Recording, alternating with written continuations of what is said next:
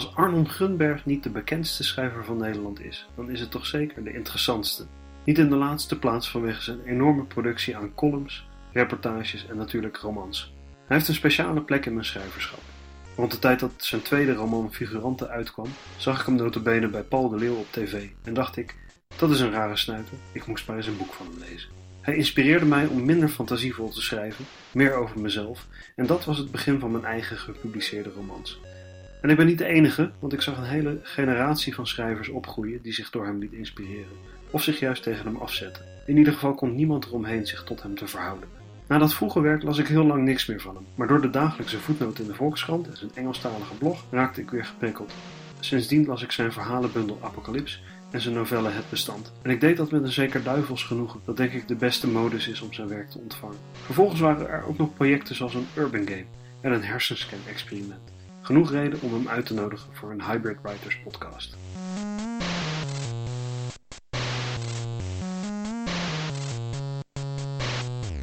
Want daar luister je naar, de Hybrid Writers podcast.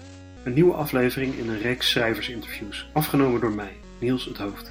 Ik gebruik de opnames voor mijn onderzoek naar digitaal schrijven en lezen, maar ze zijn ook gewoon bedoeld voor jou, de luisteraar. De interviews gaan over hoe de schrijver schrijft, meer dan wat hij schrijft en waarom. En vanaf deze tweede serie gaat het ook steeds meer over speciale zijprojecten, zoals dus die hersenscan en die game. Vanaf nu zet ik de afleveringen ongeveer maandelijks online en als je ze toevoegt aan je favoriete podcast app, dan krijg je ze automatisch binnen. Doe dat vooral. Arnon en ik spreken af aan het eind van de Boekenweek in maart 2015 in de bar van het Hilton in Amsterdam-Zuid, wat me een heel toepasselijke locatie lijkt. Maar er begint daar net een band te spelen en dus lopen we naar een hotel verderop van een iets ander kaliber, met een minuscule, steeds rumoerigere lobby. We bestellen er een kopje thee en ik vraag hem naar zijn schrijfgereedschappen, met name een dikke stapel Apple laptops, want hij koopt een nieuwe zodra de vorige enigszins oud begint te worden. En daarop draait simpelweg Microsoft Word en verder niet zoveel. Van dat eerste stukje van het gesprek, tot de thee arriveert, is de opname op een of andere manier verloren gegaan. De rest staat er gelukkig wel goed op, al is het achtergrondgeluid wat aanweziger dan de bedoeling was. Luister mee naar mijn gesprek met Arnon Gunberg. Ja, je zei als ik een project begin, dan ga ik daar natuurlijk de aantekeningen Als ik echt een journalistiek project begin, ja. Maar je bent niet een soort, met het... een soort van ideeënbak van iets waar ik ooit dat zit in mijn hoofd. Als het daar niet in blijft zitten, denk ik altijd, was het niet goed genoeg. Dus ideeën voor romans schrijf ik zelden uit. Dus, dus dat is echt, je begint op bladzijde 1 en dan schrijf je... Het zit natuurlijk wel in mijn hoofd. Bij het ene meer dan bij het andere. Bij Teerza was, Teerza was eigenlijk voor een kort verhaal voor de roman werd. Dus daar zat de hele kern van het verhaal was eigenlijk al geschreven. Maar bij andere romans is het een zin, soms is het een titel. Dus het, het varieert heel erg. Het is ook wel eens zo dat ik gewoon opnieuw ben begonnen. Ja. 10 of 20.000 woorden weggegooid. En dat je merkt dat het, dat het niet, niet, de juiste, niet het juiste perspectief. Of dat je denkt, ik moet het toch, ja. ja.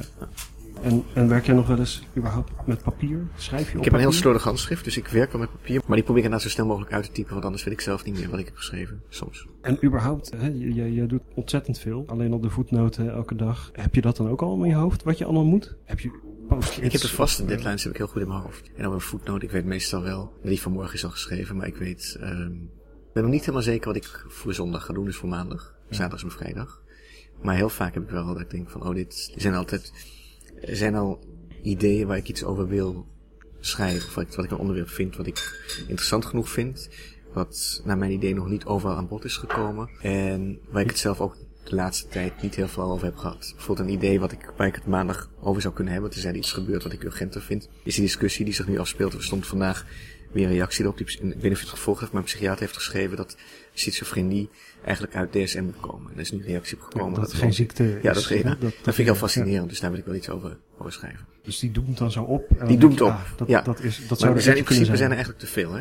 In principe zijn er heel veel onderwerpen die opdoemen. En daar moet je keuze maken. En soms komt dan iets, kan iets nog twee dagen later aan bod komen. Maar soms verdwijnt het gewoon omdat het niet meer, ja, omdat andere dingen urgenter zijn. En dan Jammer. Kan het dan ook zo zijn dat je al gaat schrijven en dat die dan pas afvalt? Nee. Dus als je Echt, ik het idee, als ik ga zitten, ik ben wat dat betreft, efficiënt is een beetje een rotwoord, maar als ik iets ga schrijven, dan schrijf ik het ook uit. Tref zeker. Dat is mooi. Nou ja, tref zeker. Tref, het, ja, ik ga niet iets schrijven van ik denk, nou, dat heb ik toch, dat vind ik, dat vind ik echt zonde. Ik schrijf ook geen dagboeken. Het geschrevene moet een lezer bereiken. Waarom zou je, um, ik gooi wel dingen weg, maar... Ieder woord moet, moet tellen. Dat past dan Ik niet vind- helemaal bij het weggooien? Nee, ik gooi, ik gooi meer dingen weg omdat je gewoon iets lang schrijft, maar gewoon een stuk schrijft waar je denkt, ja, ik, dan wacht ik op het laatste moment. Ook zeker bij de voetnoot, omdat je niet weet, misschien zie je een artikel over het hoofd wat toch nog verschenen is. Dus je wil eigenlijk zoveel mogelijk gelezen hebben voor je begint. Het kan misschien ook niet als je zoveel wil schrijven. Dan kan het niet zo zijn dat je een hele dag aan een voetnoot werkt. Dat zou praktisch gezien moeilijk zijn, want dan zou ik geen tijd meer hebben voor andere dingen. En ik zou het ook een beetje verkwisting vinden, want ik denk zo, zo lang. Er zit, ik denk er zit ook een moment in dat je, als je te lang aan een tekst blijft puzzelen, wordt die tekst, slaat het om en wordt die tekst niet meer beter, maar slechter. Dus er zit, wat dat betreft denk ik dat ook een natuurlijke, wat mij betreft natuurlijke hoeveelheid tijd is die je besteedt. Ik ben ook niet te schrijven, het is wel soms zo dat je in een roman op een zin blijft hangen, dat je denkt, nou, dit, hier loopt iets niet lekker. Maar dan kan ik er tien minuten mee bezig zijn, een kwartier, maar dan wil ik verder. En dan denk ik, ik kom er later nog een keer op terug. Ik ga nu niet het hele proces stilleggen, omdat ik hier op een knoop stuit. Speelt daar dan ook de eh, redacteur nog een grote rol bij? eh? Of, of de redacteur speelt een rol, maar in principe- zelfstandig in geworden? Ik ben zelfstandig, maar ik ben niet zo arrogant dat ik, dat ik niet naar, naar lezers luister. Dus als een lezer, een, een, of een lezer, de redacteur is een lezer. Niet alle lezers, maar ik heb één vaste meelezer en dan de redacteur. Ik heb een hele fijne redacteur, Carolien. En als die iets zegt, dan denk ik, hé, hey, dat, dat zegt ze niet zomaar. Dat betekent niet altijd dat ik met haar oplossing eens ben. Soms suggereer ik iets anders. Maar als zij ergens aan blijft hangen, dan is het meestal wel een relevante opmerking. En als ik dat niet vind, zeg ik dat ook. Dan heb je daar, een goed eh, gesprek over. Op maandag 23 februari was ik in Amsterdam om de Grunberg Game te spelen, waar we het later uitgebreider over zullen hebben. En na afloop bleek daar ook Arnolds nieuwe roman, novelle eigenlijk, gepresenteerd te worden.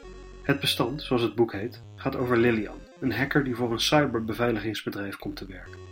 Tijdens de presentatie had Arnold het onder andere over zijn toen net overleden moeder. En hij zei toen iets wat bij mij bleef hangen. En een van de dingen die je zei die me heel erg bijbleven was... eh, waarom zou ik nu nog willen winnen? En eigenlijk de vraag die dat bij me opriep was... maar wat is nou eigenlijk winnen voor jou? Ja, dat is dat begrijp Wanneer ik. heb je Winnen- gewonnen? Ja, winnen is een moeilijk begrip, zeker als het om schrijven gaat. Dus, ehm, maar voor mij is winnen gerelateerd aan ambitie. Dus waarom zou je nog ambitieus willen zijn? Waarom zou je willen uitblinken? Ik denk wel dat ik ben opgevoed met, zowel, zowel door mijn vader als mijn moeder, met hoge verwachtingen. En dat je, ook al verzet je dat tegen op een gegeven moment in je puberteit, dat je daar toch heel erg door bepaald bent. En ik merkte bijvoorbeeld vroeger dat, dat als mensen heel kritisch waren, dat ik dat val, dat mijn moeder zich dat heel erg aantrok en ik dan ook namens haar. Dus in die zin het, het graag het willen uitblinken of het winnen van prijzen. Dat heb ik ook wel eens gezegd toen ik de Libris vond voor Teerza. Dat is, dat, zo voelt het ook echt. Dat is geen valse waarschijnlijkheid. Dacht ik, dat is vooral leuk voor mijn moeder. Het is mijn moeder die, en ik vond het ook, ik ben ook wel, ik, Het winnen voor haar. ja, Dus ja, het voldoen aan haar verwachtingen, het winnen voor haar, namens haar. Het is natuurlijk niet zo dat alle ambitie opeens is verdwenen. Maar het, is, het voelt wel eh, net anders. Ja. ja. If you, you, eh, finding your feet again. Ja, zoiets. Ja, Eh, finding your feet again. Of, het is ook een soort losheid en dat vind ik, ehm ik weet niet, in wees klinkt zo dramatisch, maar ik heb geen ouders meer. Dus dat voelt heel erg los. En dat heeft zowel een bevrijdend gevoel, als ook een heel ehm onheimisch gevoel. En dan los naar die ambitie kijkend. Van de ambitie is meer een soort... En nu denk ik meer van de ambitie is een soort een, een, een, redding, omdat je het, zolang je vast blijft houden aan je voornemens die je had voor die tijd, je ook een kader hebt voor je leven. Dus ik denk dat het heel verstandig zou zijn als ik nu mijn hele leven zou omgooien. Ik ga, ik ga wel dingen veranderen, maar dat was ik sowieso al van plan. Kijk, een van de dingen die vroeger altijd een rol speelde was toch het feit, ik wilde nooit te lang. Ik maakte wel reizen, maar ik dacht, ik moet niet te lang te ver weg zijn, want ik weet niet wanneer ik terug moet. Je weet nooit wat er kan gebeuren. En die dwang of die zorg is er niet meer, helaas. Dus dat, dat zou me in staat stellen om bepaalde dingen die ik vroeger niet wilde doen, zou ik nu kunnen doen. Dus als je het hebt over veranderingen, dan gaat het daarover. Ja, ik ga sowieso, ik heb wel eens, dat heb ik ook al gezegd, ik, ga, ik stop in 2017 met de voetnoot. Ik denk dat dat een enorme verandering zal zijn. Ehm, Dat weet je nu al. Dat, dat in ja, dat heb ik ook 2017, aangekondigd bij eh, de Volkskrant. ja. Dat weten ze. En ook het behalve als ze een jaar. heel goed bod doen. Ik heb het zeven jaar gedaan zonder één dag vakantie. Dit Pieter Klok, de adjunct, heeft gezegd, want ik had het gekoppeld aan Obama. Ik had gezegd van, als Obama, die houdt volgens mij 20 januari 2017, tenzij, die, tenzij er iets gebeurt, treedt hij af. Dan hou ik op. En dan heb ik bijna de hele, nou niet helemaal, de hele, op twee jaar na heb ik de Obama-periode de voetnoot gedaan. En niet dat Obama zo'n enorme held van mij is, maar ik vond het gewoon een mooi afbakening. Je moet een datum zoeken. Ja. En toen had Pieter Klok... ergens aan vasthouden. Pieter ergens aan vasthouden. Pieter Klok had toen geschreven van, kunnen we niet Obama vragen een derde periode? Dat vond ik vlijend, maar nee, ik denk dat, dat het ook wel, dat je dan ook naar een nieuwe vorm, dus sommige columns denk ik kan je heel lang doen, omdat ze minder in, intensiteit hebben en andere columns zijn echt, ja, Dit legt zo'n beslag op jouw leven natuurlijk. Dat Daar kan ik me iets bij voorstellen. Ja, het legt een beslag op je leven, het legt een beslag op je denken. Op je uh, manier waarop je met nieuws omgaat. Alles is een potentiële... Nou, maar ook, je weet ook als er iets groots gebeurt. Ik veel, als er nu een enorme aanslag plaatsvindt, dan moet ik een nieuwe voetnoot schrijven. Dan moet jij daar iets van vinden. Of ja, nou, dan verwacht de krant dat wel. En dat begrijp ik ook. Bijvoorbeeld bij Charlie Hebdo. Dat heb ik toen ook gedaan. Bij, op, toen Mandela stierf niet. Dat is een van de weinige keer dat ik niet op de krant ben gekomen. De enige keer geloof ik. Het was ook al heel laat en ik wist echt niet zo goed wat ik over Mandela nog kon schrijven, wat niet al gezegd was. Dus dat vond ik een moeilijk onderwerp. En bij Charlie Hebdo dacht ik, hier heb ik wel iets over te zeggen wat nog niet gezegd is. Ja. Dus het is, ik vind het niet zozeer dat ik er iets van moet vinden, maar meer dat je denkt van, oh, er wordt zo gereageerd op iets, er wordt zo naar iets gekeken. Dat is ook wat ik probeer. Maar je kan er misschien ook zo naar kijken, of waarom kijken we dan maar zo naar? Dus ik probeer wel van het al te openjerende van dit is wat ik ervan vind en dat moet u ook vinden weg te blijven. Want dat vind ik zelf ook wel saai. Ook altijd ergens iets van moeten vinden, uh, in, in, het algemeen misschien. Nou, ik vind wel van heel veel dingen iets, maar ik vind niet automatisch dat wat ik ervan vind, dat andere mensen dat ook moeten vinden.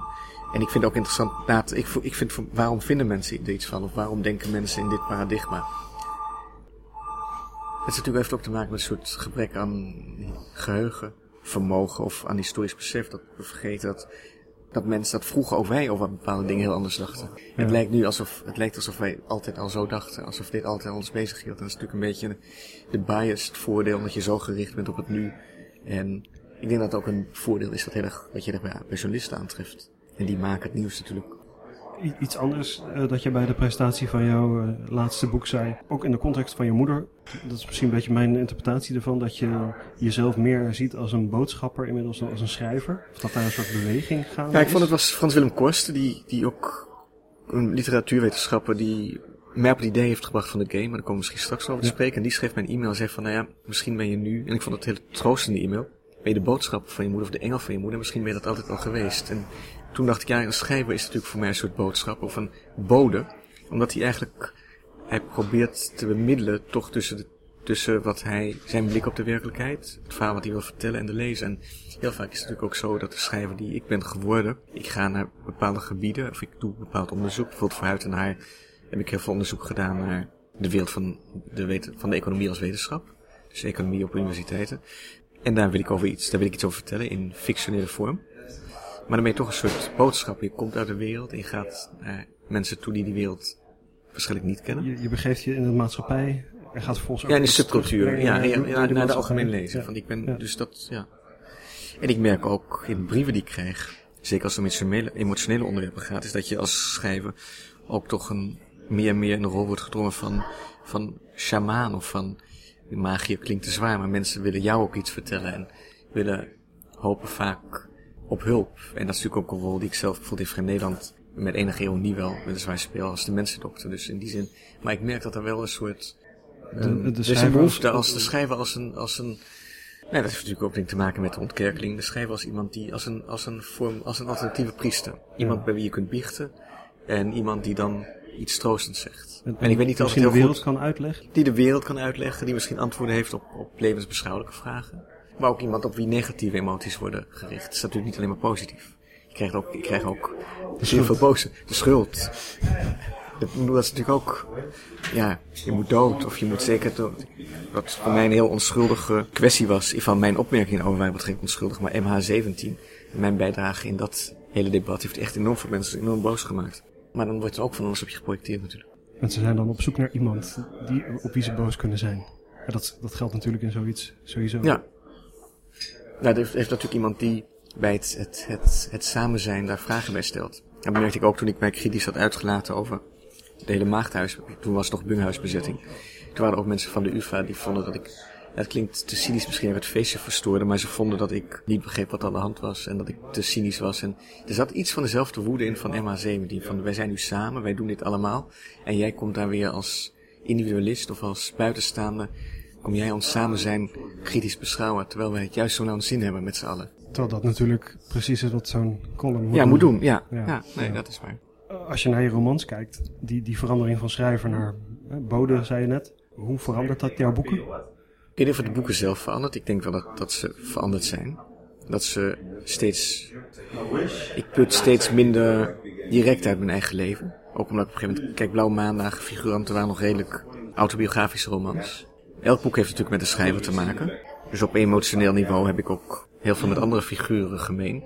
Maar ik vind het wel echt leuk om, om naar nieuwsgierigheid is wel een drijfveer geworden. Of leuk. Ik vind het belangrijk om te onderzoeken hoe bepaalde dingen werken. Hoe mensen werken die misschien niet zo op mij lijken. En die niet samenvallen met mij. Ik vind het... Is dat dan ook als het ware nodig om te zorgen dat je niet steeds hetzelfde boek schrijft? Ja, ik vind, ik vind dat ik juist inderdaad altijd heel andere boeken schrijf. Ik had een discussie over met iemand van de uitgeverij. Die zei ja, maar het gevoel. Maar zei ja, maar ik vind de wereld die ik beschrijf, de boek qua vorm, qua zijn echt, echt fundamenteel, echt heel erg verschillend. Dat is misschien meer een wedstrijd met jezelf. Dat je niet wil herhalen, dat je niet weer iets wil doen wat je al gedaan hebt. Dat zou ook saai zijn. Jammer, zonde van de tijd. Maar ook omdat ik echt, nieuwsgierigheid leidt natuurlijk altijd tot meer nieuwsgierigheid. Dus je komt, het gaat steeds verder. Is het soms ook uh, moeilijk? Uh, je had het bij uh, college tour over, over, schaamte. Ik had het toen we hier naartoe liepen ook even over de, de, soort tweestrijd tussen nieuwe dingen willen doen en dan dat het toch wel spannend en, en moeilijk is. Er, ervaar je dat zo? Dat je dus door steeds iets nieuws te doen, dat je jezelf ook juist als het ware die, die uitdaging aangaat om, ja. om te overwinnen? Ja, je, zo, door steeds nieuwe, je wordt natuurlijk, je, je maakt van jezelf een generalist die altijd met specialisten praat om iets te begrijpen. Maar je bent altijd toch weer de. Je begint heel vaak weer op punt nul. Je bent nog steeds degene die het nog niet weet. Die het nog niet weet. Dat is aan de ene kant heel prettig. Maar het kan ook voor beschamende momenten zorgen. Omdat je dan merkt dat je echt een hele domme vraag stelt. Of dat je even iets zou. Ja, je merkt dat je iets zou moeten weten. Maar dat je even die afkorting. Die nu al drie keer is gevallen, toch niet helemaal begrijpt. Ja, en, juist die deskundigen hebben dan de neiging om dat ook heel raar te vinden. Dat, weet toch iedereen? Dat, weet toch iedereen, precies. Dus dan moet je maar, je moet wel, ik word wel behendiger, denk ik, om daar omheen te manoeuvreren. Of om aan te voelen dat je ook wel kunt vragen bij sommige mensen van, dit begrijp ik niet, kun je nog even uitleggen hoe dat zit.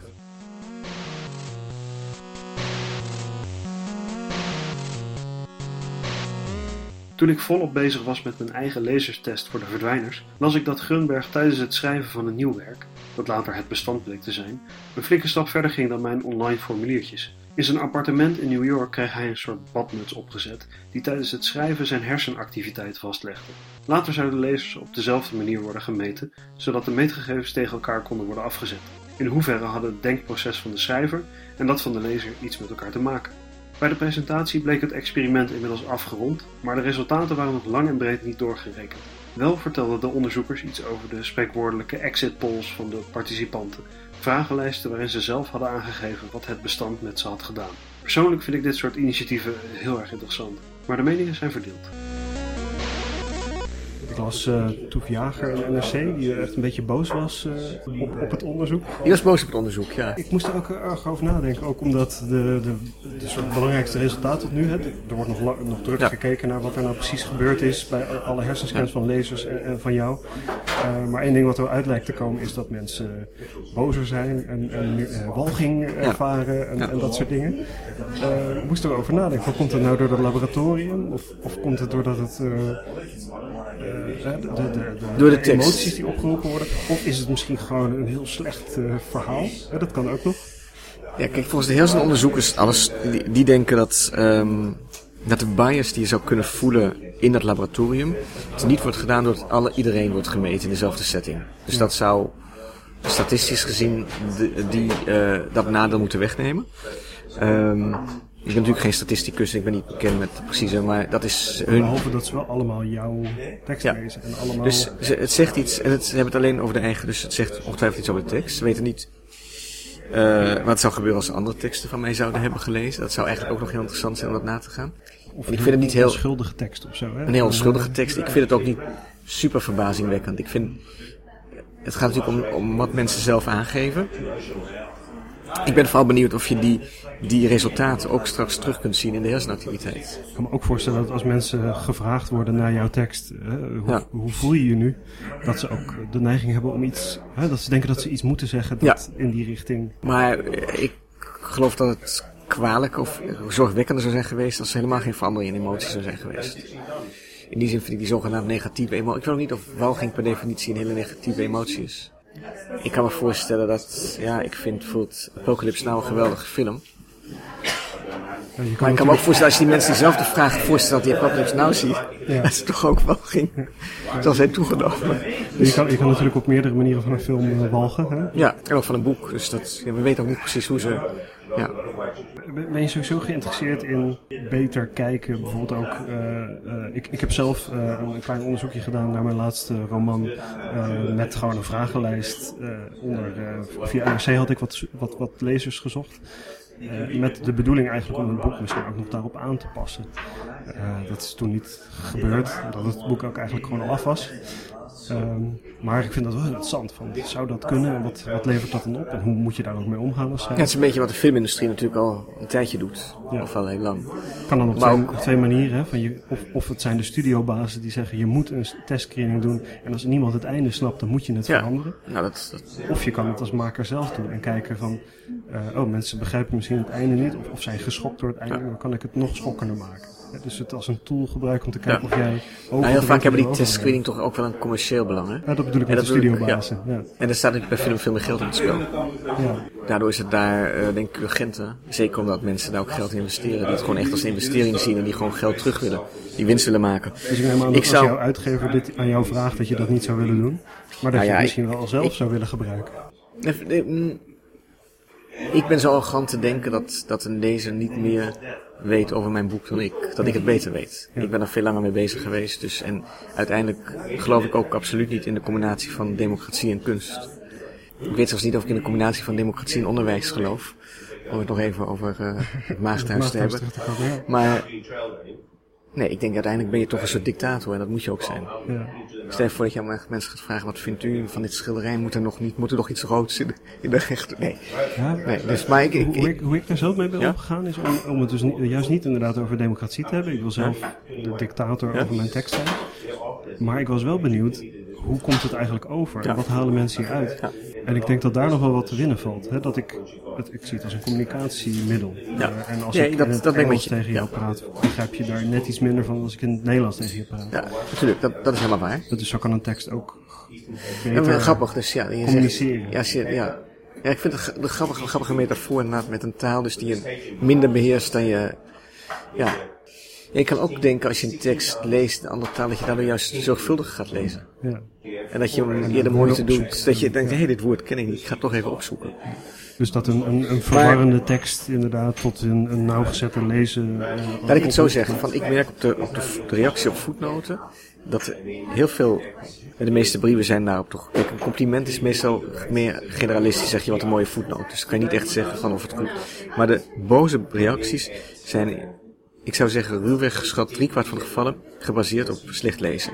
Dat kan komen omdat iemand erover twittert en er gewoon één zin uit wordt genomen en ze gewoon nooit meer de, de, tekst hebben, echt niet meer Ja. de tekst hebben gelezen. Is er dan nog iets anders? En dan het equivalent bij roman is dat ze de achterflap hebben gelezen. Ik weet- en ja, dat het een dus schandalig boek vinden. Ik, dat zeg, ik zeg niet dat, maar ik heb, ik heb het idee dat er redelijk slecht wordt gelezen. En ook op grond, dat merk ik ook zelfs bij, toen ik in Leiden in 2008 en 2009 college gaf, dat gewoon goed lezen en over een tekst praten, dat best wel moeilijk is. Maar je hebt wel gelijk, ik denk dat iets te winnen is. Maar er zit natuurlijk, tegelijkertijd, vraag ik me ook af, ben, je staat, iedereen die schrijft staat in de literaire traditie, dus je verwacht dat mensen die traditie kennen en ook wel enig begrip hebben van wat een boek is en daarover bereid zijn na te denken. En ook bereid zijn over hun eigen interpretaties na te denken. Dus je schrijft uiteindelijk, denk ik, voor een hele kleine groep goede lezers. Die het boek nog wel slecht mogen vinden, maar die, het wel, die zich wel op, met de bron hebben bezig gehouden. En niet met, met een fantasie over wat ze hebben gelezen. Ja. Wat je net zei, ook met studenten, en dat je dan ziet hoe, hoe slechter gelezen wordt. Is dat als schrijver dan niet verschrikkelijk frustrerend? Want Ja. je weet dat het werk als een soort eh, losse flodder uiteenvalt. En, en een paar mensen precies raakt, maar de rest... Dat is frustrerend, ja. Maar daar heb je mee te leven. Nou ja, je kan wel proberen. Ik was, dat je dacht, ik dacht vroeger echt ook van als je maar, als je maar alles inzet en de tekst maar goed genoeg en compact genoeg is en alles, dan, dan kan je, wat, wat Hitchcock zei van ik bespeel mijn publiek zoals een uh, pianospeler piano, of zelfs over een orgel geloof ik, een organist hoor. Ja, maar zelfs bijvoorbeeld merk ik als ik mensen meeneem naar films die ik zelf wel goed vind, soms, ja, Zou Hitchcock eigenlijk iets gedaan hebben met eh, testpubliek eh, en kijken hoe mensen zijn Het is een goede- reageren? Dus ik, ik denk dat je daarmee te leven hebt. Dat moet ik tot mijn spijt zeggen. Ik heb ermee te leven dat mensen slecht lezen. Dat, um, en ook dat je allerlei vooroordelen niet kan wegnemen. Dus dat je, mensen hebben een, een kader, een idee over de wereld. En je probeert als schrijver dat idee toch bij te sturen. En dat lukt niet altijd, gewoon omdat ze zichzelf vasthouden. Dus hebben, mensen hebben ook heel vaak morele oordelen. Mm. Uh, niet zozeer over de tekst, maar over personages die... Uh, en uitvoert aan een oordeel over de tekst voort, merk ik. Dat doe je toch niet? Dat doe je niet, of dat is een... Juist wat een rare... Wat een jouw soort personages. Juist, ja. Dus dat is, dat is, een, uh, dat is een blijvend gevecht gewoon, maar dat zal, dat zal nooit meer overgaan. Heb je daar een gevoel bij, ook van, van boek tot boek, wat mensen ervan vinden? Hoe, hoe dat boek, of het wel begrepen is? Heb je het idee dat bepaalde boeken minder begrepen zijn dan andere? Ik vind dat soms boeken ondergewaardeerd zijn en andere boeken... Ik, kijk, Teerza is denk ik mijn bekendste roman, of in ieder geval de meest verkochte roman. Op een bepaalde manier konden mensen kennelijk iets in dat boek was herkenbaar, denk ik. Of was te begrijpen, was te bevatten. En, maar ook daarvoor krijg ik dat eens. Ja, het was een plotgedreven boek. Maar ook daarvoor heb ik al reacties gekregen of gezien van wat een zieke geest moet je hebben om zoiets te schrijven. Dus dat, ik denk dat voor onze Omen, wat mij waar ik heel trots op ben, een ondergewaardeerd boek is. En dat heeft weer te maken, maar dat merkte ik ook, dat toch oorlog een moeilijk, moeilijk onderwerp is. Ik, had een, ik, doe soms, ik ben net begonnen in Den Haag een serie met films waar ik dan een soort debat aan koppel of een gesprek met het publiek. Ik heb zelf gedaan voor Woody Allen, nu Platoon, van Oliver Stone. Het is misschien niet de beste Vietnamfilm, maar ik vind het echt nog steeds een hele goede oorlogsfilm. En je merkt ook, ik had ook wat studenten meegenomen, drie meisjes, vrouwen. En ja, die, die we hebben niet zoveel met oorlogsfilms. het is toch, het is echt, dus, oorlog is best ingewikkeld. En als je het dan hebt over uh, hoe een boek ontvangen is, waar, waar meet je dat dan af? Je had het over Teresa, dat is best verkocht, verkoopcijfers. Ja, dat zegt, ik bedoel, er zit natuurlijk ook best wel verschil tussen, tussen kritiek in het buitenland en kritiek in Nederland. En um, ja, de verkoopcijfers zijn gewoon heel goed meetbaar. Dat is, dat is dan, ja, dat is, dat is dat wat je gewoon echt te zien krijgt. En dan is de vraag, doe je daar dan iets mee? Trek je daar iets van aan? Denk je, oh, ik moet uh, Terza 2 schrijven? Nee. Nee, gelukkig ben ik niet zo economisch afhankelijk van die... Ik wel dat, maar ja, de hele boekenmarkt is, dus op een gegeven moment verdiende ik heel veel en is dat naar beneden gegaan, dat is waar, maar... Of denk je juist, ik moet juist de anti-Terza schrijven? Dat kan natuurlijk ook. Ja, ik denk eigenlijk wel, ik moet, ik moet het publiek moeilijker maken. Niet omdat ik dat publiek moeilijker wil maken, maar ook omdat ik het zelf, dat zelf eigenlijk spannend vind.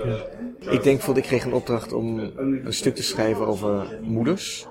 En toen over, het ging eigenlijk, het idee was over mijn moeder en, en de moeder van de Sabri Satlahamus, een Egyptische-Nederlandse acteur. En ik denk dat ik heel goed weet hoe ik een stuk kan schrijven wat het publiek prachtig vindt en wat misschien naar mijn idee ook wat sentimenteel is, maar dat vind ik gewoon saai. Dat is niet wat ik, als je weet, ja, ik zeg niet dat ik weet hoe je Tierza 2 moet schrijven, maar ik denk dat ik, dat ik al Tierza 1 heb geschreven, dus waarom zou ik Tierza 2 willen schrijven? Natuurlijk wil je, je wil, er zit ook, ik denk in iedere schrijver iets van een behaagsequence, wat in iedereen zit. Maar ik denk dat je dat ook wel in jezelf moet bestrijden. In die zin moet je ook onthecht raken van, en het is best, even lang geduurd denk ik, leren omgaan met negatieve reacties. Of met mensen die het niets vinden. Of, uh... dat, maar dat lukt nu wel? Nou ja, het dat is altijd wel min of meer gelukt. Maar Vroeger had ik toch meer de indruk, had ik meer de neiging om diegene te bewijzen dat het, dat het anders zat. Nu denk ik, nou je vindt het niet, dat is goed recht. Je mag het, hoeft, het hoeft niet. Uh, of dat altijd even rechtvaardig is, weet ik niet. Ik denk dat het nogmaals, soms ligt ook slecht lezen aan ten grondslag, niet altijd, maar soms wel. Maar tegelijkertijd denk ik, ja, het, het universum is niet rechtvaardig, dus ook daar moet je mee, bij neerleggen. En de geschiedenis zal uiteindelijk wel een oordeel vellen. Hoop ik. Uiteindelijk de lezer, de groep lezers, mensen die blijven lezen, mensen die blijven doorgeven of iets in de kamer terechtkomt of iets overleeft, is niet afhankelijk van één oordeel. Um, wat ik wel de neiging heb als mensen bij de voetnoot gewoon echt uh, mij denken op fouten te betrappen en ik heb die fout niet gemaakt, dan kan ik wel vrij, dan kan ik wel een tijdje blijven corresponderen. Maar heb je van mensen ja, die niet... Dan een soort verontwaardiging? Een soort, uh... ja, ik denk dat, ja, dat is toch een soort er komt er een soort irritatie op van, ja, dat, dat heb ik, dat, dat heb ik helemaal niet beweerd. Of dat is gewoon, dat klopt niet. Onheus bejegend. Ja, of dan denk ik, maar dat, ja, ja, denk ik, maar dat, dat, dat, klopt toch gewoon niet. Maar heel vaak kom je toch met, door ja, bepaalde, ja, zeker als het bijvoorbeeld moslims, bepaalde discussies, je komt er niet, als mensen eenmaal een heel vast als mensen eenmaal echt overtuigd zijn dat moslims het grote gevaar zijn in Europa, dan kan je heel veel argumenten aanvoeren, maar ik kom er niet doorheen. Dus mijn, op een gegeven moment, als, als na zes, zeven e-mails zeg ik meestal van, ik wil deze discussie voortzetten, maar dan kom ik gewoon bij u thuis. En daar zijn ze toch weer bang voor. Dat willen ze niet. Uh, over, het, uh, over dat onderzoek nog even. Toen jij uh, in je appartement in New York beplakt werd met de badmuts, had je toen al het verhaal in je hoofd? Of moest dat toen nog komen? Nee, ik had wel een, een ruwe versie van het verhaal in mijn hoofd. Maar ik heb wel het begin. Ik heb toen de eerste twee hoofdstukken geschreven en die zijn wel behoorlijk veranderd. Ik bedoel, daar is wel heel veel, er is wel een soort kern van overgebleven, maar er is ook heel veel weggegooid. Ik heb er wel eens de neiging om dat als een soort puzzel te zien waar ik heel lang mee bezig kan zijn. Zo'n raamwerk van een verhaal. Uh, ja, en, dat, en dat daar wel veel van die, dat, het, het, soort creatieve proces daar dus dan voordat je echt begint te schrijven al plaatsvindt. Ja, maar ook nog heel veel tijdens het schrijven. Ja, ja, dat echt heel veel. Want dat die puzzel die wordt eigenlijk opgelost tijdens het schrijven. Het raamwerk is meer uh, een, een, serie vragen van hoe kom ik hier terecht ja, of wat, hoe ga ik dit doen? Ja. Of wat gebeurt er als? We hebben deze figuur, deze situatie. En wat, wat gebeurt er nu? Hoe zouden de personages daarop reageren? Ja, of hoe, hoe, gaat, hoe ontwikkelt zich het verhaal? Of hoe, als ik zit te schrijven, waar breng ik het zelf heen? Wat, ik, bedoel, ik ben natuurlijk wel de, de baas. Ik heb het in de, hand, in de hand. Maar je verrast jezelf ook. Of je komt ook door het schrijven op ideeën die die je niet, hebt, die je niet zou hebben gehad als je het alleen maar nog maar in je hoofd over nadenkt. Dus dat gebeurde allemaal met die badmuts, maar er zat wel een stukje voor. Maar dan denk je dat het niet... Nou, die badmuts was natuurlijk ook... Ik zat toen echt... Ik had ook het idee toen ik moest volume maken. Dus ik wil een aantal... Ik had toen meer nog dan anders het idee, ik wil een aantal woorden per dag halen. Dus ik was toen wel heel erg... Zat ik in de flow van het schrijven en minder naar het grotere geheel te kijken op dat moment. Maar zeker omdat je in het begin moet je toch zit je in een soort, breng je de machine op gang. Dus jezelf, je brengt dus, dus veel van wat in je hoofd gebeurt is ook een soort die focus houden. Jezelf ertoe Ja. brengen om door te gaan. Ja. Ja. ja. Was dat niet een van de eerste conclusies dat, dat het eh, erop leek dat je niet veel emoties eh, ervoer, zoiets? Ja, maar bijvoorbeeld wel dat mijn hartslag iedere dag toenam. De, en dat, dat zou weer kunnen duiden op um, verhoogde concentratie. Of stress. Of stress. Maar dat kan, ja, of stress. Dat kan samengaan. Hè? Ja. Interessant. Uh, jouw uitgever vertelde over het, het idee aanvankelijk om uh, het bestand alleen als e-book uit te Ja. brengen. Het is er nu toch gewoon op papier en ook heel fraai. Hoe is dat uiteindelijk besloten? En en vind je dat dan heel belangrijk dat er een papieren versie is, bijvoorbeeld? Nou, ik had, een, ik had een discussie over de toekomst van het boek met de uitgever. En de vraag of mensen, ik s- zag in Amerika, zou het eigenlijk wel gestabiliseerd zoals daar, maar laat dat daar echt heel veel in e op e-books werd gelezen, meer dan, meer dan nu, meer dan hier. En toen dacht ik, waarom, waarom zou je eigenlijk niet een, ja, we brengen een boek eerst uit in een wat duurdere versie, maar waarom zou je het niet anders doen? Waarom zou je niet in een boek eerst als e-book uitbrengen of wat? Ik vond het wel interessant daarmee te experimenteren van, zou je, kun je mensen verleiden om een e-book te kopen? Dat zeggen van, je moet, de papieren versie komt Ja, dus eh, de Nederlander die daar heel voorzichtig mee Ja. is tot nu toe. ja, maar ik moet zelf zeggen, ik heb wel een Kindle en ik gebruik de Kindle al. Maar toch het liefst lees ik eh, papieren boeken. Kies je dan per boek? Ja, soms denk ik, nou dat boek dat past gewoon ook niet in mijn boekenkast. En, ehm, maar je ziet, ik, kind, je kan eigenlijk Kindle redelijk goed gebruiken. Ik geloof, maar dat heb ik nog niet om, dat in de nieuwste versie ook streepjes kan zetten. Eh, als in uh, onderstrepen? Ja, dat, ik onderstreep vrij veel in een boek. Ik vind het altijd heel leuk, maar- of prettig. Maar het leest natuurlijk toch net anders. Vind je iets van mensen die jouw boeken digitaal lezen? Nee. Maakt je niet uit. Economisch gezien zou het moeten uitmaken, want ik verdien meer als iemand een papieren boek koopt, maar... Nee, ik vind meer gewoon de vragen die, bijvoorbeeld- die opkomen bij mensen die met e-books bezig zijn, van dat je bij de e-book, je kan niet zien, je kan de boekenkast niet meer zien. Stel, wat, wat doen we met een elektronische bibliotheek? Hoe kunnen we die zichtbaar maken? Want mensen vinden boeken ook zeggen iets, mensen laten boeken zien in hun woonkamer met een bepaalde reden. Dat soort vragen vind ik interessant. Zou je scherm eh, moeten ophangen met welke Ja, dat- dat- ja. Ehm, Heel veel dingen als eh, Goodreads, Ja. waar je Ja. kan tentoonspreiden Ja. wat je aan het lezen bent. Dat Ja. heeft een beetje die functie. Maar ik, ben, ik, heb niet, ik heb geen mening, dat is de vraag over mensen die mijn boek als e-books lezen. Ik merkte wel bijvoorbeeld onder studenten, had niet het idee dat er heel veel e-books werden gelezen. Er werd heel veel gewhatsappt. Dus we waren wel heel veel aan het lezen per dag. Ja, waarschijnlijk boeklengtes. Er werd zoveel Geen gewhatsappt. Nou, ik zit nog steeds in die WhatsApp groep. Dat, is dat gaat om twee, ja, soms 200 WhatsApps op een dag. Dus dat, maar inderdaad niet, nee, een boek op, nee. Oh, hooguit studieboeken. Die weer, die, die weer wel. Ik ben ook nog steeds benieuwd of die hoge e-bookcijfers in Amerika nou komen doordat mensen gewoon ver weg van boekhandels wonen. Ja, dat, dat, denk ik, dat heeft er ongetwijfeld mee te maken. Hoewel je ook daar met Amazon zou denken van, je hoeft niet meer bij een boekhandel te wonen, want je hebt internetboekhandels. Komt gewoon naar je toe. Een voordele theorie is dat het luisterboek in Nederland nooit zo groot is geworden als in Duitsland, omdat in Duitsland mensen lang in de auto zitten. Dus dat is een, een, een, een, eh, Het luisterboek schijnt scenario. Ja, hangen. het schijnt dat mensen gewoon in de auto naar luisterboeken luisteren, terwijl ze auto rijden.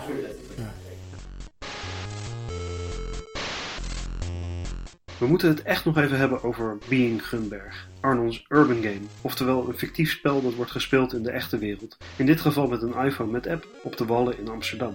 Ik heb veel geschreven over literaire games en over auteursgames in het algemeen en ik was heel benieuwd welke draai Arnon hieraan zou geven. Maar de mail vooraf die wekte wat wantrouwen. Ik las, laat je teddybeer maar thuis, morgen kom je terecht in een wereld vol seks, misdaad en Gunberg dat klonk niet bepaald als de literator die ik kende. En mijn spelervaring die veranderde het beeld niet dat er weinig Grunberg zat in Being Grunberg. Hoewel het spel zeker amusant was en ik het ook nog eens won. Ik ontdekte dat Arnon als honorary fellow aan de Universiteit van Amsterdam vooral zijn studenten aan het werk had gezet en dat hij het niet per se oneens was met mijn kritiek. Ik heb jouw game meegedaan. En de, de gevleugelde Nou, de game, van de, ja, de game ook van de studenten. hè. Ik heb de basis aangedragen en zij hebben hem echt verder ontwikkeld. Maar Ik had daar wel een beetje een mening over. De game heet bijvoorbeeld Being Grunberg. ja, dat was niet mijn keuze geweest. Maar ik vond, ik, Maar, Ik heb- maar je zag het wel door de vingers. Toen ik eenmaal besloten had dat ik een urban game wilde maken. Ik ben eigenlijk bij de voorbereiding al in juni, juli, mei begonnen met gesprekken. Nou ja, en zoals je weet, als je het gaat, het een gesprek leidt, zegt wel, dan moet je met die praten, dan moet je met die praten. Want, want jij ging daar praten omdat je graag iets met een game wilde Nee, doen? ik, ik of ging praten niet met gewoon met mensen die iets van games wisten, omdat ik zelf iets over, ik wilde iets doen met games en literatuur. Toen dacht ik, ik wil een game maken. Ja, en toen dacht ik, ik al heel snel duidelijk een computergame, A, weet ik daar te weinig van. En B, heb ik gewoon niet de studenten die een computergame in zo'n korte tijd kunnen maken. Maar via een andere gameproducenten, die vertelden me over het fenomeen van de urban game. Dan zet je ook games in het echt, in het echt kunt spelen en dan is het nou ja, half gezelschapsspel, half improvisatie, theater, et cetera. Dat is een mooi idee, want dat, daar kan ik wel iets mee. En dat deed me ook erg denken aan een psychologisch experiment. En daar heb ik ook wel belangstelling voor. Maar via Frank Nak van Game Studies aan de UvA, die zei eigenlijk van je hebt een, je hebt een producent nodig. Want ook al je gaat met geluid werken, dat was wel het idee, met, eh, en heb je software nodig. En eh, als je dit in goede banen wil doen, dat lukt je gewoon niet zelf. Dus je hebt een producent nodig die vaker games heeft geproduceerd. En toen ben ik bij eh, Hanne Markman terechtgekomen, die ook aan de, je kent haar misschien, aan de eh, HKU doseert, geloof ik. En zij zei van, als ik het aan de HKU doe, de studenten, je moet ze niet zij moeten echt zelfstandig keuzes maken. Dus je moet ze niet, je kan ze, je moet ze niet gaan bijsturen. Je moet ze begeleiden, maar je moet niet voor hen keuzes gaan maken. Laat dat los. En dat vond ik eigenlijk wel een grappig advies, omdat het ook contra-intuïtief was. Ik ben iemand meer die op alles wil zitten en eigenlijk toch zelf... Nee, je drukt ook een stempel op je boek. Nog, maar het is je boek. Dus je wil eigenlijk ook een stempel drukken op die game. Toen dacht ik, nou, dat is wel een interessant experiment ook voor mij, dus ik laat het los. En toen zei, zij hadden gezegd, meerderheid, nou ja, Bing Grunberg, zo gaat het heten. Toen dacht ik, oké. Er was ook wel een, ooit een idee dat de winnaar van de game zou eigenaar worden van de game. Of zou in het hoofd van de schrijver kunnen kruipen. Of zou met mij een dag op stap mogen. Dus, maar verder is dat... Dit is natuurlijk van Bing Grunberg is een belofte die niet wordt waargemaakt. Dat is waar. Ja. En ik vroeg me ook af, dat gegeven dat jij op zoek ging naar een manier om iets met games te doen, dat te onderzoeken, eh, begon hè, met de uitspraak van Frans Willem Korst eh, Ja. dat games wel eens de toekomst van literatuur zouden zijn. Of eigenlijk, hè, eh, als jij echt onsterfelijk wil worden, Dan moet ik een game gaan moet je schrijven. maken. Maar ik heb het idee dat je dat nu alsnog niet hebt gedaan. Omdat het nog geen computergame is? Of omdat het... Eh, omdat je, hè, je zei in, eh, in het praatje heel mooi, eh, ik heb mezelf vooral overbodig gemaakt. Ja, dat, dat klopt. Ik heb, ik heb, zelfs ik- de titel door de studenten Ja, dat zeg ik nu. Ja. Ehm, ja, maar dat zei ik ook net al toen we hierheen liepen. Dit was voor mij niet het einde, maar het begin. Ja. Ja. En ik moet gewoon even nadenken hoe ik hiermee verder ga. Want het is wel een... Want, want je hebt wel het idee dat je nu verder bent met begrijpen wat jij eventueel met games zou kunnen. En wat de literatuur Ik begrijp wat in de, wat de problemen zijn. En ik begrijp ook... Nou ja, ik, bijvoorbeeld een van de dingen die mij echt op veel aantal dingen vielen mij op hoor. In- in- Maar voor we de game gingen spelen, viel me op dat... Je kon de, de mechanics waren wel heel duidelijk voor de studenten. Van nou, dit zijn de transacties die je moet doen, dit moet je doen om te winnen, we hebben nog dit nodig. Maar het hele verhaal werd eigenlijk een soort ondergeschoven kindje. En werd een soort, naar mijn idee, een soort stief... Echte stiefkindje. Wow, dat toen... Dus dat- een van de studenten vertelde dat jij wel soort de, de rollen daarvoor had aangedragen. eh, de, de verschillende rollen die ja. in het spel worden Ja, gespeeld. die heb ik aangedragen. Dat was, ja. En dat was je inhoudelijk... eh, En ongeveer, de, ik, heb, ik heb de basis, dus ook de transacties, de, eh, de doelstellingen, de doelen die de rollen hadden. En ze hebben het meeste overgenomen, niet alles. Ik had bijvoorbeeld ook nog een ingebouwd dat spelers die te veel werd terug zouden kunnen om de psycholoog te zien. Dat soort kleine details die, jij- die bij me heel leuk. Weet je. Maar het meeste hebben ze gewoon, wat dat betreft, dat vond ik ook interessant. Ik had gedacht dat er onder de studenten hele discussie zou zijn van waarom doen wij dit op de wallen? Waarom hebben we een ongedocumenteerde vreemdeling? Waarom heeft die ongedocumenteerde vreemdeling seks om een paspoort te krijgen? Dat je er allerlei hele theoretische discussies over zou hebben, of morele. En die vonden totaal niet plaats. Het werd gewoon, nou ja, dit, zijn de, dit is het, we gaan ermee aan de slag. Um, het is ook vreemd wat er gebeurt in een spel, dat dat eigenlijk geen morele discussie meer is, want het is een spel. Het is een spel, dus dat, die, precies, dat, is er haast niet. dat had ik ook uh, onderschat. Want het was ook geen discussie natuurlijk meer bij de spelers. Het is gewoon het spel, nou ja, dit, ja, dit, is, dit is geen monopolie, maar een ander soort spel, prima. En het interessante wat er nog gebeurde, was, waar jij volgens mij erg door gefascineerd was, de momenten waarop je je juist wel buiten het spel betreedt, of in elk geval je voor een raam moet gaan staan dansen, of met iemand moet gaan knuffelen. En, en waar dan eigenlijk het spel botst met de echte wereld. Ja, dat was een van de dingen die ik wilde proberen. Ja. Maar je hebt gelijk, het antwoord, het, het antwoord had ik ook nooit verwacht dat ik dat in acht weken zou kunnen geven. Het was een aanzet. En ik moet nu even Kijk, het probleem is, is, is wel een andere universiteit. De VU wil nu dat ik iets ga doen, maar dat is weer iets heel anders. Dus dat vind ik ook wel interessant. Dat wil ik ook heel graag doen. Maar je bedoelt game gerelateerd? Nee, helemaal niet game gerelateerd. Okay, ja. Oh, de psychologie van de roman en uh, het is het, nee, totaal niet game gerelateerd. Maar je bent wel op zoek naar een mogelijk vervolg. Ja, dus ik moet even ik moet nadenken wat, hoe ik dat ga doen. Of dat een onderzoek is wat ik zelf in mijn eentje verder voortzet. Of toch met studenten. Wat mij eigenlijk de, de meest logische oplossing lijkt. Omdat je sowieso niet in je eentje een spel kan maken. Nee, je kan ook niet in je eentje spelen. Dat is natuurlijk het aardige van een boek. Je kan in je eentje schrijven, je kan in je eentje lezen. Gewoon puur praktisch is dat... Dus ik, ik heb heel veel geleerd. Ik, ik heb de vraag misschien niet beantwoord, maar nou, we, hebben, we hadden een evaluatie ook op de UvA. Sorry, ik mezelf nu onderbreek. En een van de dingen waarin uh, studenten zaten, mensen van de UvA, mensen van de bijzondere collecties en mensen van de uitgeverij, iedereen daar meewerkt. En van wat is eigenlijk gebeurd, wat is goed gegaan, wat is niet goed gegaan. Nou, een van de dingen waarvan ik zei, die ik had echt onderschat, is dat doordat we zo korte tijd hadden, het eigenlijk al te ambitieus was om dit in die korte tijd te bouwen, dat het theoretische gedeelte ook bijna werd weggedrukt. En dat eigenlijk had ik nog vier weken nodig gehad na de game om gewoon te analyseren van hoe hebben de mensen gereageerd, wat is eigenlijk gebeurd, wat kunnen we uit leren. Hebben ze voldaan? We hadden een aantal verwachtingen geformuleerd. Zijn die voldaan? Hebben we aan onze eigen verwachtingen voldaan en waarom niet? Maar er is één uh, student gaat geloof ik um, afstuderen onder andere op dit spel. Dus daar, ik hoop nog iets uit zijn scriptie te halen. Een, een theoretisch staartje gaat krijgen. Ja. En anders zal ik er zelf op een gegeven moment weer mee verder gaan. Ik, ik, vond ook interessant dat je, je zei dat, dat die, die opmerking van, uh, van Korst uh, je op de een manier heel veel deed. Uh, je zei, ik heb helemaal niks met games. En, ja, toen hij dat zei, werd ik bijna boos. Ja. waarom was dat dan? Omdat ik games niet serieus nam. Dus ik vond het een belediging. Echt, hè? Je beledigt me, dat was het. Ik vond het een diepe belediging. Maar boosheid is natuurlijk ook altijd, denk ik, als je... Je zag ja, de enige schoffering van de, van de literatuur dan? Nou, ik dacht, in een schoffering van mij of van literatuur, ja, ik denk, wat, wat, hoe kan je dat nou beweren? Een beetje alsof je zegt van, uh, van bijna op een niveau van je zegt, nou ja, ga maar voor goede tijden, slechte tijden, weet niet of dat goed. Ga maar zo kijken. Maar die boosheid zegt natuurlijk ook altijd iets over, over jezelf. En als je dat, als je aan enige zelfreflectie doet, dan moet je vragen, waarom, waarom ben ik boos? En wat, toen dacht ik, nou, dat is eigenlijk, want ik, ik weet, ik speel, ik ben helemaal geen gamer. Dus wat is dat voor wereld? Maar je wordt, inmiddels word je niet meer boos van, uh, van games. Nee. Ik word wel gefrustreerd als ik met mijn peterkind een game speel, dat hij zoveel behendiger en beter is. En ik zo knullig op die iPad of uh, heeft dan ook een Wii, de Wii zitten spelen. Dat is trouwens wel mijn, mijn ervaring met, met mijn vader ook. Eigenlijk Super Mario was een van de eerste dingen waarin ik beter was uh, dan mijn vader. Dus dat was juist een soort uh, een heel belangrijk moment voor mij. Ja, dat begreep voor hem ook. Ja. Maar toch is het, het, is ook, het heeft ook iets frustrerends. Niet eens omdat je verliest, maar omdat je ook echt bepaalde dingen niet begrijpt. Ja. Je denkt, hè? Dat... En, en, nog steeds zie je wel dus ruimte om daarin iets, iets te doen, iets te betekenen.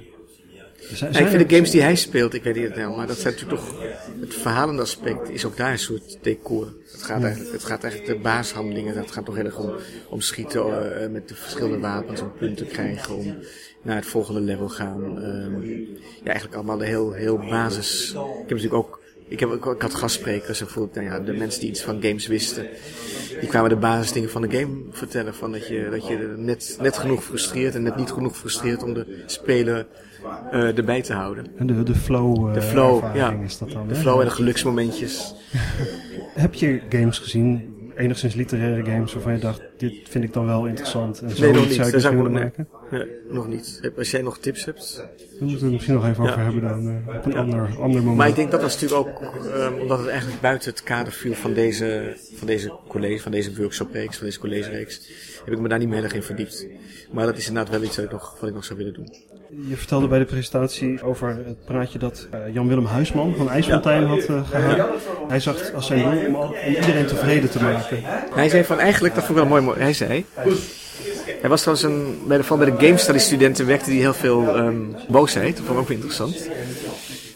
Um, hij zei dat de games eigenlijk mensen heel makkelijk gelukkig maken. Omdat je, er is onderzoek naar gedaan, dat je allemaal geluksmomentjes beleeft. Ook heb je er niet staan. Gewoon door, ja, chemisch. Ja.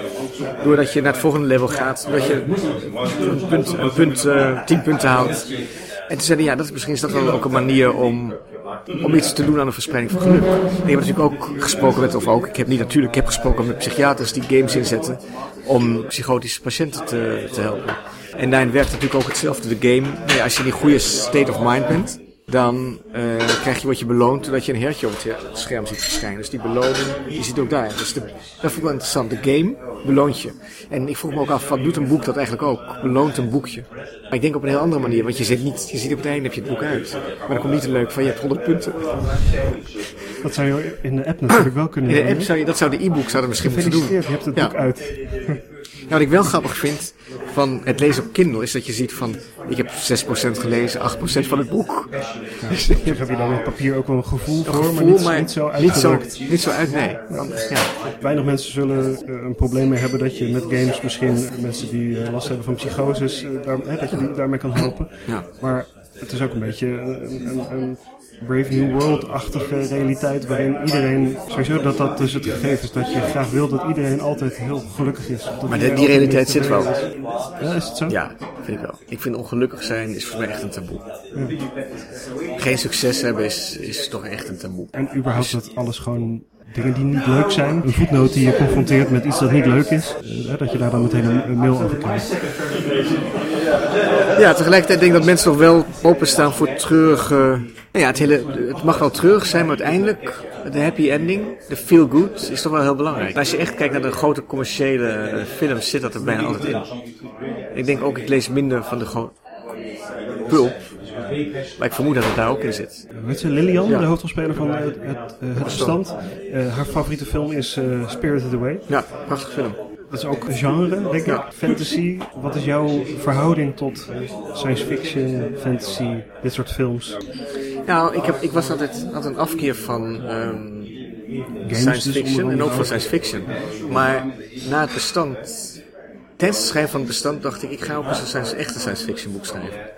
Om diverse redenen. De, beste science fiction is ook, zijn ook vaak hele filosofische Ja. boeken. Hè? Ja. Ook omdat mijn boeken worden wel absurd genoemd, maar ik vind ze eigenlijk ze zijn realistisch, maar ze horen niet bij de traditie van het realisme, omdat dat weer een andere traditie is. Maar ze zijn, die zijn realistisch dat ze een heel duidelijke verhouding hebben, wat mij betreft, met, met de werkelijkheid. En daar ook uitspraken over willen doen. Maar ik dacht, ik voelde eigenlijk met bestand dat dat, dat, dat soort, bijvoorbeeld het realisme wat ik heb nagestreefd in, in huid en haar, soort psychologisch realisme, verifieerbare plekken, verwijzingen naar bepaalde dingen moeten kloppen. Wat ik wel altijd vind, als je subcultuur beschrijft, moet die kloppen. En ik vind het belangrijk dat mensen die die cultuur goed kennen of die experts zijn, dat die niet zeggen van, nou, hij heeft, hij heeft er echt niets van begrepen. Dat is voor mij altijd een heel belangrijke doelstelling. Eh dit terzijde. Maar ik had het gevoel dat dat soort, dat dat niet meer, dat ik daar eigenlijk deze wereld waarin wij leven tekort doe. Omdat die zo gelaagd is en zo opgebouwd, dat dat, eh, dat, dat, dat, dat, dat, dat realisme een soort fictie is geworden. Misschien een hele voor de hand liggende conclusie. Maar ik voelde hem. Het was, een, het was geen. Ik, voel, het was een gevoel wat zich zo sterk aan me opdrong dat het mij verraste. Ook omdat ik zelf inderdaad aversie had voor. een dergelijke. voor dat genre eigenlijk. En anime was ook iets. Dat is niet eens dat ik dat zelf gezien heb, maar ik dacht, in die, ik heb wel wat. Ik heb me in die wereld van de hackers bewogen. eh, in de wereld van. Ik heb veel over Anonymous gelezen. En dacht ik, wat. Ik vond anime bij die wereld passen. Toen dacht ik, wat voor anime? En mijn, mijn peterkind weer, die ook dus een gamer is en een grote anime fan. Nog niet zo groot als eh, sommige mensen, maar wel, wel een anime fan. Die dacht ik, ja, dat is... En toen ben ik met hem eens naar die films gaan kijken. En dacht ik, ja, dit is eigenlijk, is dit zo goed? Het is zo, het is zo, het is zo'n rare wereld, maar ook zo... Het is volstrekt anders en toch helemaal herkenbaar. Dat vond ik heel knap. En, en, maar je, ziet daar dus ook een opening in om in je eigen werk wat meer uh, andere werkelijkheid in te gaan brengen. Of science fiction had je het net over. Ja, ik denk niet dat dat boek dat ik nu aan het schrijven ben, want dat, wordt, dat gaat ook echt over moeder en zoon. Um, ja, maar ik, ik, het is wel een van de dingen die ik nog wil doen inderdaad. Ik wil wel een keer echt, nou ja, wat science fiction, maar nou ja, de vraag inderdaad waar, waar mensen, waar mensen ophoudt machine begint, is iets wat mij heel erg is gaan fascineren. Eigenlijk, en dat heeft ook wel weer toch te maken door, door veelvuldig ziekenhuisbezoek. Door, als je ziet wat er allemaal in mensen wordt aangebracht, verbeterd. Ja, bedoel, we zijn al een soort cyborgs. cyborgs, we zijn al cyborgs. Cyborgs, precies. En de hele Turing-test is natuurlijk ook bijzonder fascinerend. Ik heb als grap, ik ben nu heel veel in het, in het huis van mijn moeder. En er wordt nog ontzettend veel gebeld door, um, weet ik, ik denk dat zijn dus, weet ik veel mensen van het Longfonds of eh, mensen die iets, die geld willen of die, misschien heeft iedereen dat. Ik heb geen Nederlands nummer meer, maar er wordt ontzettend veel gebeld. Dus op een was ik zo geïrriteerd. Toen zei ik, ja, maar je spreekt ook helemaal niet met een mens. Wat vroeger zei ik, ben niet, ik ben, ik woon hier eigenlijk niet. Ik ga binnenkort weer weg. Um, degene die hier woont is overleden. Het spijt me, ik had er zo genoeg van. Maar zeg maar, je spreekt met een mens, je spreekt met een computer. En ik merkte gewoon dat dit toch maar heel erg ontregelijk werkt. En iemand anders, nee, dat, dat geloof ik niet. Maar dat is stilte. Maar hoe weet u dat dan? Maar daarna werd ook opgehangen. Er werd, dat was, ik dacht, kijk, als je dat zegt, dit was heel effectief. Ik denk niet dat ze geloofde dat ik een computer was, maar ze dacht, die mevrouw dacht wel, dit is een echte gek. Het was ook een effectieve manier om er vanaf te komen. ik ga het vaker doen, denk ik. Ja, het zou natuurlijk, om helemaal op te gaan in de computer, zou ook een hele een fijne manier zijn om, uh, om onsterfelijk te worden en, en te kunnen blijven doorgaan en te kunnen blijven werken. Ja, het is een andere manier van, van, van klonen. Ja, ik was ook heel erg gefascineerd toen ik dat een sentimenteel einde vond hebben door de film Her. Dat je toch zo verliefd wordt op een operating system. Dat is een, een fascinerend gegeven. Wat dat betreft vind ik de Nederland, ja, dat, dat het is heel makkelijk om je eigen subcultuur waar we allemaal in zitten, om die voor de, voor de hele wereld aan te zien. Dus ik vind het, en dat bedoel ik ook met, met een beetje met boodschappen, dat je net van al die, dat je, daar, dat je makkelijk kunt bewegen door allerlei andere, ik noem het even subcultuur, ik heb geen beter woord voor, door subcultuur, in andere werelden. En dat je daar met hele andere realiteiten wordt geconfronteerd. Ik heb zelf een lichte science fiction roman geschreven en ik heb het gevoel dat de, de literaire scene, de literaire wereld daar niet bepaald op zit te wachten. Het zal ja. natuurlijk anders zijn als jij met een science fiction boek komt. Nee, dat denk ik ook. Ik denk dat het verschil tussen thriller en roman, dat dat een beetje is weggevallen. Dat ik bedoel, niet, ik vind Herman Koch een hele sympathieke man, ik vind ook wel goed schrijven, maar ik denk inderdaad dat het diner ik vind zijn eerdere werk veel interessanter. Dus het is niet, en dat wordt wel heel erg, dat wordt uiteindelijk toch serieus genomen en hoort bij de literatuur. Grappig genoeg sprak ik gisteren twee leerlingen van het Stedelijk Gymnasium, of het gemeentelijk gymnasium in Hilversum, die Herman Koch niet mochten lezen. Dus kennelijk zit daar dan toch weer net maar ik denk dat het een soort smetvrees is, dus dat mag wel. Omdat het, ook, omdat het toch in de traditie van het psychologisch realisme past. Het is, je kan het navoltrekken en het is in die zin verifieerbaar. Maar echt science fiction is lastig. En dat heeft met voordelen te maken. Met slecht lezen. Dus dat is heel, dus, ja, ja, dat is jammer, maar dat is... Uh, Martin Amos heeft zoiets, een beetje die richting geprobeerd met Times Arrow. Wat ik trouwens niet een heel goed boek van, maar het idee vond ik interessant. Dus ik weet niet of je het kent, dat, het speelt zich, dus het begint eigenlijk in Auschwitz en het gaat terug. Dus mensen komen levend uit de gaskamer. Dus, alsof je film terugspoelt. Maar dat, daar, dat vond ik ook een soort interessante manier van science fiction, want dat is natuurlijk uiteindelijk.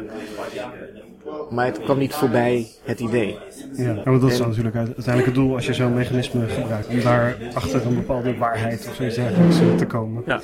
En wat ik wel het nadeel vind van, als, ik, vind, ik hou niet van dystopieën. Dus als je zegt van, ik wil je alleen maar waarschuwen voor de enge techniek of voor... Dat vind ik eigenlijk altijd saai. Wat dat betreft vind ik bijvoorbeeld Orwell of Brave New World, ook wel Huxley, wel, hoe knap het ook is, er zit ook iets voorspelbaars in. Omdat de moraal zo duidelijk is. Of nu uh, Dave Eggers? Ja, dat vond ik... Ja. Ik hoop, nee, ik zit, dit mag ik tegen jou zeggen, want het is een podcast. Dus het, ik denk dat, dat mensen, maar ik vond dat een slecht boek. Ja, ik vond het echt een, uh, ik vond dat boek het equivalent van een columnist die, uh, precies het sentiment voelt wat de lezer al heeft. En dan is de lezer blij. En denkt ah, dit, is, dit vind ik ook. in zijn mening. Dit is wat heerlijk. Ja, en dat, maar het verplicht tot niets. Want ik denk, ik durf te wedden dat niemand na het lezen van de cirkel dacht, nou, ik ga eens mijn Facebook-account sluiten. Of bijna niemand. Dus dat, en waarom zou je ook? En, ook niet een soort, wat vertel je me nu? Wat vertel je me nu? Dit heb Nee. ik nog nooit gehoord. eh. Nee. Ik denk dat hele optimisme van eh, toen de Arabische lente begon over sociale media, dat, dat, dat sociale media tot een soort nieuwe gemeenschap, dat, dat heb ik nooit gedeeld. Maar dat idee dat het, dat het een enorm gevaar is, dat denk ik ook helemaal niet. Het biedt gewoon een, het, maakt, ik denk dat er heel veel exhibitionisten zijn, er zijn heel veel voyeurs. Soms wonen die ook in één persoon en veel van die sociale media bieden een soort marktplaats waar die twee elkaar kunnen ontmoeten. En dat je naïeve exhibitionist hebt, ja, je hebt naïeve mensen. Ik vind exhibitionisten geen moreel oordeel. Hè? Het is niet dat ik dat. Dat zit ook in mij. Dat zit, dat is, Een maar het- menselijke eigenschap. ja, natuurlijk. Je wil iets van jezelf laten zien. En die mensen hebben een podium. Vroeger moesten mensen twintig brieven schrijven aan de krant en werd er één geplaatst. In de-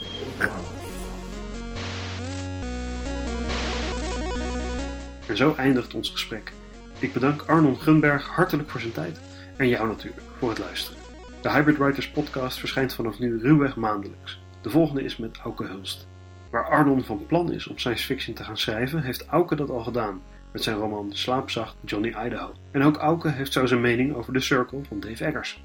Wil je zeker weten dat je hem niet mist? Neem dan een abonnement op deze podcast. En waardeer je mijn inspanning? Schrijf dan een recensie in iTunes. Dat helpt.